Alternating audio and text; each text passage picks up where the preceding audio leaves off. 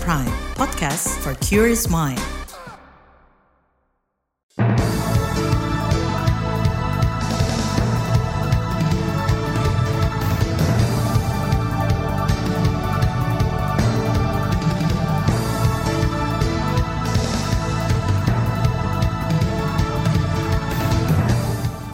Selamat pagi saudara, senang sekali kami bisa menjumpai Anda melalui program Buletin Pagi edisi Rabu 12 Juli 2023.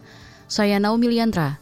Sejumlah informasi pilihan telah kami siapkan di antaranya, tenaga kesehatan ancam mogok kerja. Mahfud berencana perpanjang masa kerja Satgas BLBI. Wapres akan tinjau pembangunan Papua. Inilah Buletin Pagi selengkapnya. Terbaru di Buletin Pagi. Saudara, DPR mengesahkan rancangan Undang-Undang Kesehatan menjadi Undang-Undang Pengesahan, diambil dalam rapat paripurna yang dipimpin Ketua DPR Puan Maharani.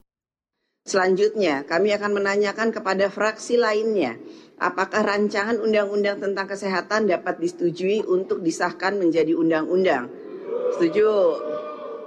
Jadi, fraksi PDI Perjuangan, fraksi Gol, fraksi Partai Golkar, fraksi Partai Gerindra, fraksi Partai Nasdem, fraksi Partai Kebangkitan Bangsa, fraksi Partai Amanat Nasional, dan fraksi Partai Persatuan Pembangunan. Setuju ya? Setuju. Ketua DPR Puan Maharani mengatakan ada dua fraksi yang menolak pengesahan yakni Demokrat dan Partai Keadilan Sejahtera PKS.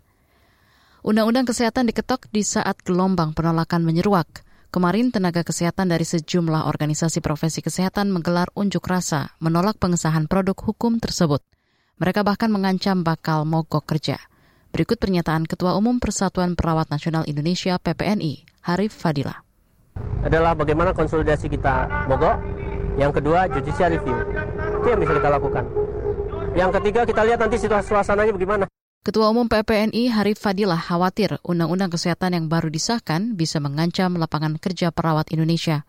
Undang-undang ini memungkinkan tenaga-tenaga kesehatan asing yang mengikuti investasi di bidang kesehatan bisa masuk ke Indonesia. Selain itu, Harif juga menyoroti dihapusnya belanja wajib atau mandatory spending sebesar 5 persen dari APBN. Aturan baru itu dinilai akan menurunkan kesejahteraan para nakes, utamanya pekerja honorer dan sukarelawan.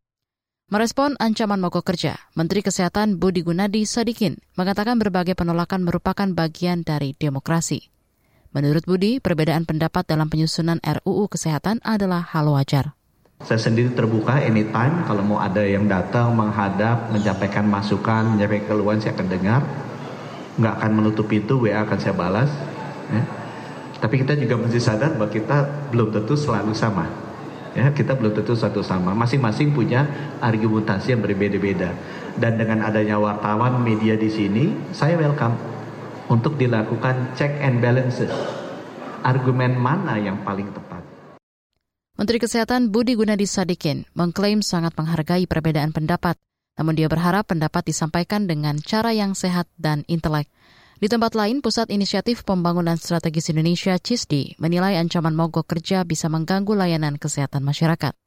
Pendiri CISDI, Dia Saminarsi, mengatakan ancaman serupa pernah terjadi di Inggris hingga menyebabkan perawatan pasien terganggu memang ada banyak misalnya, oke okay, yang layanan emergency nggak usah mogok, tapi yang tidak emergency juga kan sebenarnya membutuhkan layanan kesehatan. E, antrian BPJS bisa makin panjang, operasi bisa jadi nggak bisa dikerjakan, anak-anak sakit bisa jadi nggak bisa dapat pertolongan. Hal-hal yang seperti itu mbak, yang kalau belum terjadi mungkin agak susah untuk kita membayangkan seperti apa e, itu akan detrimental e, efeknya kepada layanan kesehatan di Indonesia. Pendiri CISDI, Dia Sominarsi mengatakan tenaga kesehatan dan dokter memang terikat sumpah untuk mengabdi dan mendahulukan kepentingan pasien. Namun kata dia, kinerja nakes berpotensi terganggu jika aspirasinya tidak didengar pemerintah dan DPR. Saudara, ancaman mogok kerja tenaga kesehatan perlu disikapi secara serius karena bisa merugikan masyarakat. Hal itu diungkapkan Ketua Pengurus Harian Yayasan Lembaga Konsumen Indonesia, YLKI, Tulus Abadi. Kalau soal demo merespon itu kan hak warga negara untuk melakukan demo ya, dalam hmm. arti menyampaikan aspirasi terhadap satu kebijakan dalam ini misalnya undang-undang ataupun juga hal lainnya. Tapi bahwa bahwa pokok kerja itu yang seharusnya dihindari untuk kemudian tidak mengabaikan hak masyarakat di dalam mendapatkan pelayanan di satu rumah sakit atau pelayanan kesehatan. Ketua Pengurus Harian YLKI, Tulus Abadi, menyoroti sikap pemerintah dan DPR yang mengesahkan RUU Kesehatan di tengah penolakan berbagai kalangan. Dia menuding pengesahan undang-undang ini minim partisipasi publik. Saudara survei LSI menyatakan Prabowo dan Ganjar bersaing ketat dalam bursa Capres 2024. Tetaplah di Buletin Pagi KBR. You're listening to KBR Pride, podcast for curious mind. Enjoy!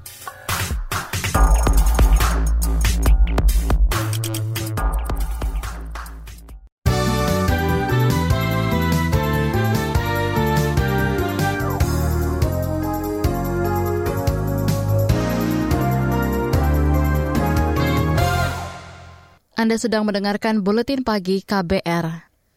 Presiden Joko Widodo mengklaim beberapa negara berminat berinvestasi di Bandara Internasional Kertajati, Jawa Barat. Jokowi mengatakan pemerintah akan segera memutuskan dan mempercepat proses masuknya para investor tersebut. Hal itu disampaikan Jokowi usai meninjau Bandara Kertajati kemarin.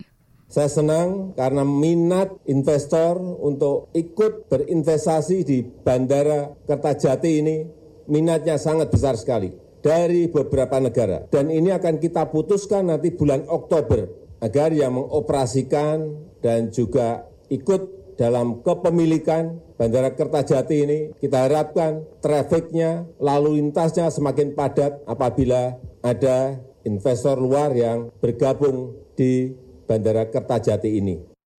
Presiden Jokowi enggan menyebut negara mana saja yang akan yang berminat berinvestasi.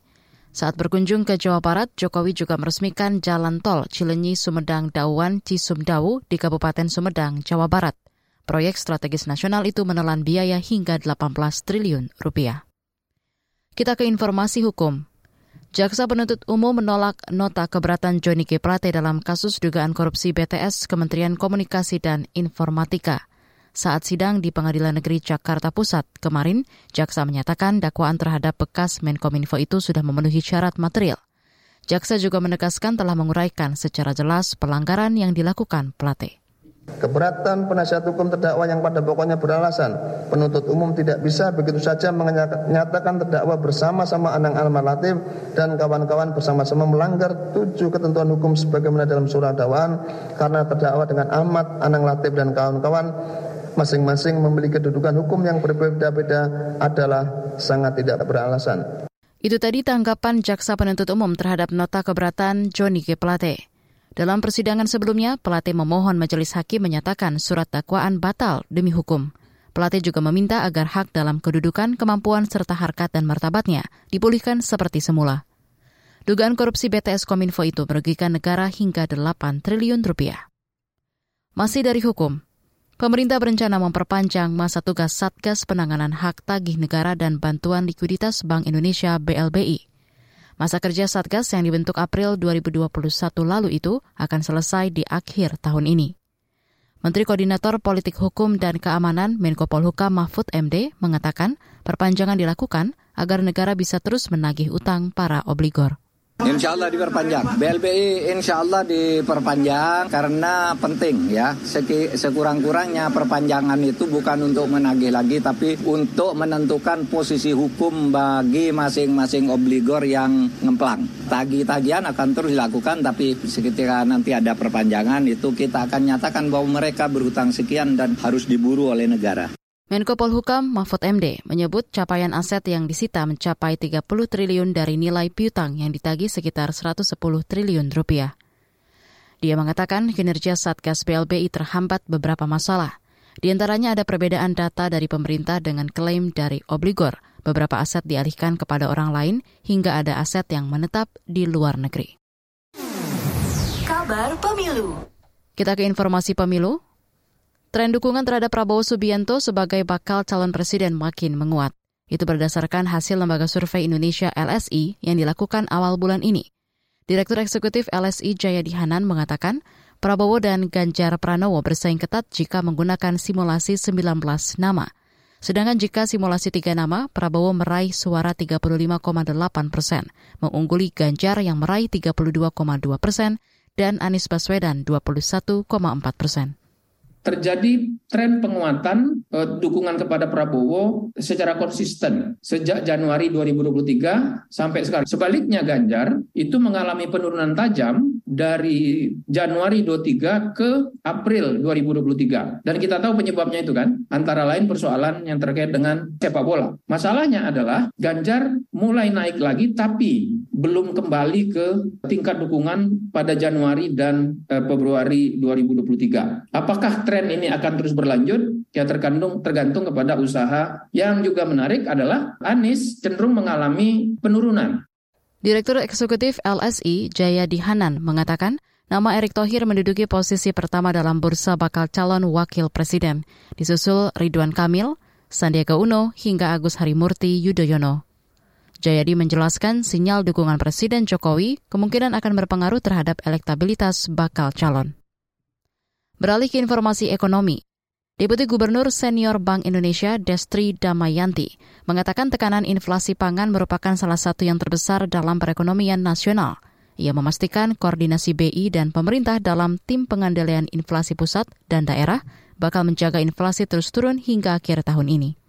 Dan tentunya dengan konsistensi, inovasi, dan sinergi tersebut, Bank Indonesia meyakini inflasi akan tetap terkendali di dalam sasaran 3 persen plus minus 1 persen pada sisa tahun 2023. Deputi Gubernur Senior Bank Indonesia Destri Damayanti meyakini sasaran penurunan inflasi bakal sesuai target. Sebab inflasi indeks harga konsumen IHK pada Juni 2023 tercatat menurun menjadi 3,52 persen. Sebelumnya Badan Pusat Statistik BPS mencatat inflasi inti Juni 2023 mencapai 2,58 persen atau lebih rendah dibandingkan dengan inflasi bulan sebelumnya 2,66 persen.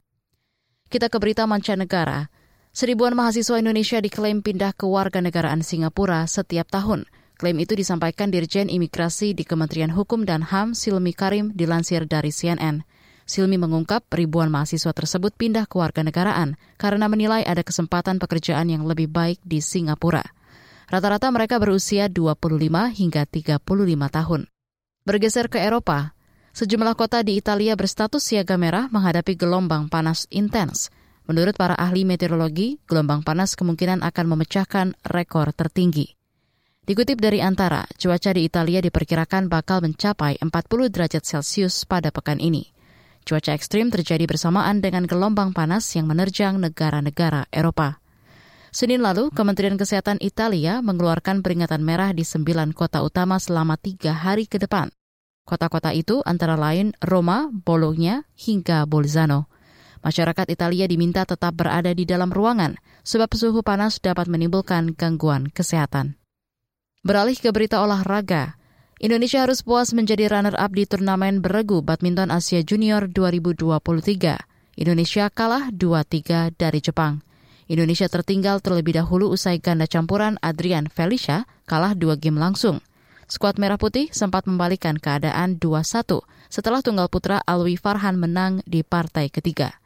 Sempat disamakan 2-2, Indonesia gagal menjadi juara setelah ganda putra Indonesia Muhammad Al-Farizi, Nikolaus Joaquin kalah lewat laga tiga game.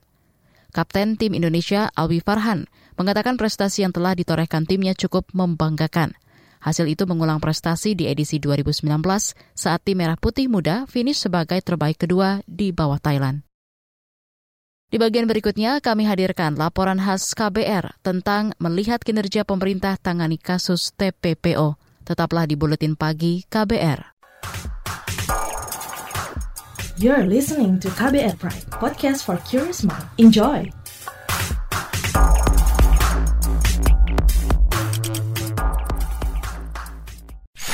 Commercial break. Commercial break.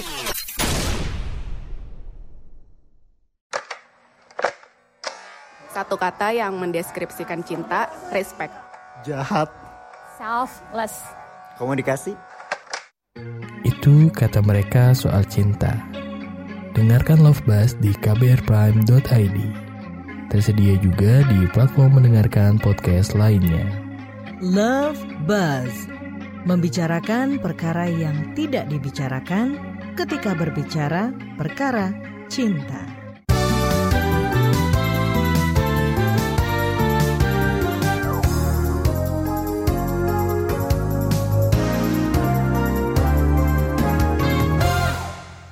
Anda masih bersama kami di Buletin Pagi KBR. Sekitar sebulan setelah dibentuk pada awal Juni lalu, Satuan Tugas Tindak Pidana Perdagangan Orang atau Satgas TPPO menangkap ratusan orang tersangka pelaku dan menyelamatkan ribuan orang. Pemerintah mengklaim penanganan TPPO cukup produktif, tidak seperti sebelum-sebelumnya. Seperti apa kinerja pemberantasan TPPO saat ini? Berikut laporan khas KBR disusun Agus Lukman. Sejak awal Juni lalu, pemerintah membentuk satuan tugas untuk menangani tindak pidana perdagangan orang atau kerap disebut Satgas TPPO. Satgas ini berada di bawah naungan Polri. Pembentukan Satgas TPPO itu merupakan tindak lanjut dari perintah Presiden Joko Widodo setelah terkuaknya kasus perdagangan WNI di Myanmar. Menteri Koordinator Bidang Politik Hukum dan Keamanan Mahfud MD mengatakan setelah sebulan bekerja, Hingga awal Juli lalu, Satgas TPPO berhasil menetapkan lebih dari 690 orang tersangka. Langkah ini diikuti dengan penyelamatan terhadap 1.943 korban. Satu bulan korbannya itu 1.943 yang bisa diselamatkan. Mungkin masih banyak yang belum bisa diselamatkan. Tapi ini tidak pernah terjadi sebelumnya. Mahfud menyebut kinerja penanganan tindak pidana perdagangan orang berjalan sangat produktif. Ia membandingkan dengan penanganan kasus TPPO pada masa sebelumnya yang macet karena banyak sindikat dan backing-backing baik di institusi pemerintah ataupun swasta. Badan Perlindungan Pekerja Migran Indonesia BP2MI mengapresiasi kinerja Satgas TPPO yang berhasil menangkap ratusan orang tersangka perdagangan orang. Kepala BP2MI Beni Ramdhani mengatakan capaian sebulan ini lebih baik dibandingkan tiga tahun sebelumnya yang tidak ada upaya penindakan serius. 30 Mei Kapolri ditunjuk sebagai Ketua Harian Gugus Tugas. Hasilnya apa? Hasilnya dalam tiga minggu ini sudah ditetapkan ya dari kerja-kerja kepolisian pencegahan TPPO 558 tersangka kejahatan TPPO. Tiga minggu loh. Dan yang diselamatkan kurang lebih 1.500 anak-anak bangsa yang diselamatkan yang hampir dijual. Kepala Badan Perlindungan Pekerja Migran Indonesia Beni Ramdhani berharap sindikat perdagangan manusia bisa diburu hingga ke akar-akarnya. Beni mengklaim telah berulang kali mengatakan sindikat perdagangan manusia telah merambat pada orang-orang yang memiliki jabatan penting seperti di lingkungan pemerintahan. Sementara itu, kepolisian mengatakan penanganan tindak pidana perdagangan orang membutuhkan penguatan kerjasama dan kolaborasi antara pusat dan daerah, terutama pada pengawasan di perbatasan. Kepala Subdirektorat 5 di Direktorat Tindak Pidana Umum Polri, Enggara Pariano mengatakan hal ini untuk mengefektifkan upaya memerangi tindak pidana ini kita perlu memperkuat pengawasan di area perbatasan. Itu baik di, di daerah Kepri, kemudian Kalimantan Barat, Kalimantan Utara, kemudian Sulawesi Utara, termasuk uh, di daerah NTT. Perburuan besar-besaran terhadap mafia perdagangan orang juga mempengaruhi tingkat kepuasan masyarakat terhadap Polri. Survei Indikator Politik Indonesia menunjukkan kepuasan masyarakat meningkat hingga lebih dari 67 persen. Direktur Eksekutif Indikator Politik Indonesia Burhanuddin Muhtadi mengatakan sebelumnya masyarakat tidak puas terhadap kinerja kepolisian yang dinilai lambat dalam memberantas mafia perdagangan orang. Kasus perdagangan orang terhadap 26 WNI di Myanmar yang tahu hanya 26 persen. Jadi meskipun mungkin cukup ramai diberitakan di media, tetapi ternyata kalau ditanya kepada responden across the country yang tahu ya kurang lebih hanya seperempat tetapi dari seperempat yang tahu, yang puas cukup lumayan, sekitar 66 persen. Meski begitu, Yayasan Perlindungan Perempuan dan Anak Embun Pelangi meminta pemerintah meningkatkan keseriusan dalam memberantas TPPO dengan membentuk badan khusus dan bukan sekadar satgas. Direktur Yayasan Embun Pelangi, Irawan Setiawan, mendorong pemerintah dan DPR merevisi Undang-Undang Nomor 21 Tahun 2007 tentang pemberantasan tindak pidana perdagangan orang masukkan eh, pasal perubahan di Undang-Undang 1 2007 bahwa tindak pidana perdagangan orang harus mempunyai badan khusus, hmm. bukan satgas. Nah, hmm. satgas ini kan masih mati, Pak. Hmm. Asing dari pencegahan sampai penindakan lalu penegakan hukum itu beda-beda orangnya. Hmm. Nah kalau badan kan sama di situ semua. Direktur Yayasan Embun Pelangi, Irwan Setiawan mengatakan selama ini masih banyak bagian-bagian dari Satgas TPPO yang belum berjalan baik, mulai dari pencegahan hingga penindakan hukumnya, sehingga sindikat perdagangan orang masih merajalela. Demikian laporan khas KBR, saya Agus Lukman. Informasi dari berbagai daerah akan hadir usai jeda. Tetaplah bersama Buletin Pagi KBR. You're listening to KBR Pride, podcast for curious mind. Enjoy!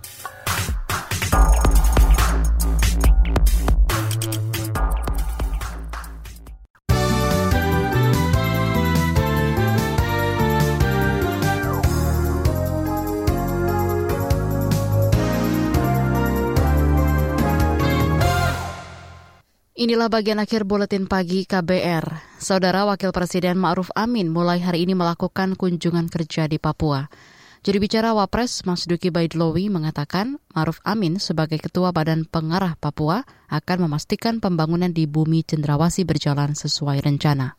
Beliau akan berkunjung ke Timika, ada penyerahan secara simbolis ya BPJS bagi pekerja rentan DAP. Di sana juga ada semacam pemaparan kegiatan prioritas dan kegiatan sosial di PT Freeport. Wakil Presiden juga akan melakukan peninjauan kelas ya dan interaksi dengan pelajar serta melakukan presentasi baksos dan peninjauan ya terhadap operasi katarak yang ada di sana.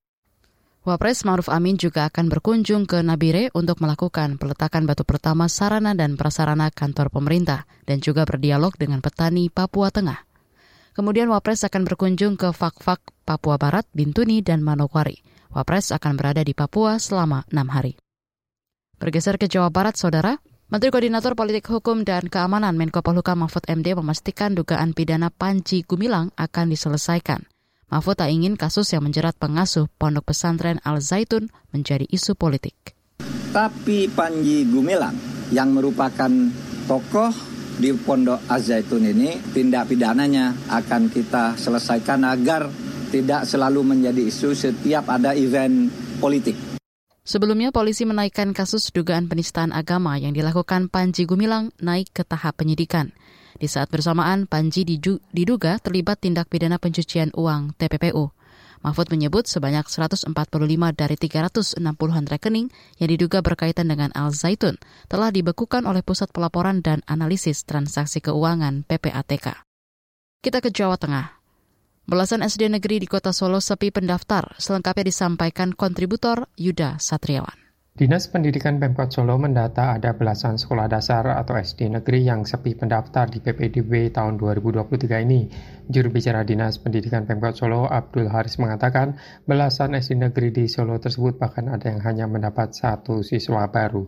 Menurut Haris, Pemkot Solo akan mengkaji ulang sistem penerimaan peserta didik baru atau PBDB tingkat SD ini yang setiap tahun mengalami permasalahan yang sama, yaitu sepi pendaftar dan kekurangan siswa kemarin apa itu sekitar 13 itu ada salah itu.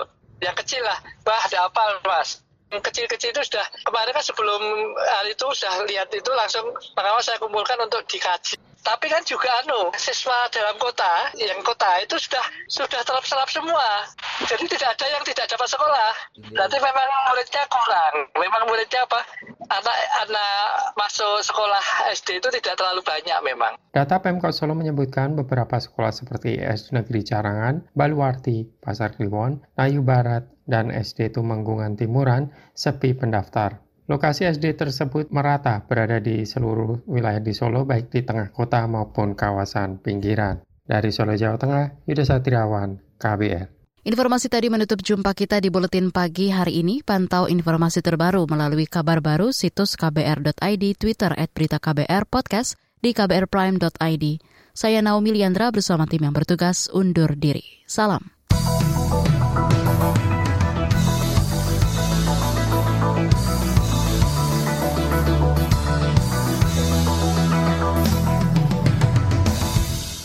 KBR Prime, cara asik mendengar berita. KBR Prime, podcast for curious mind.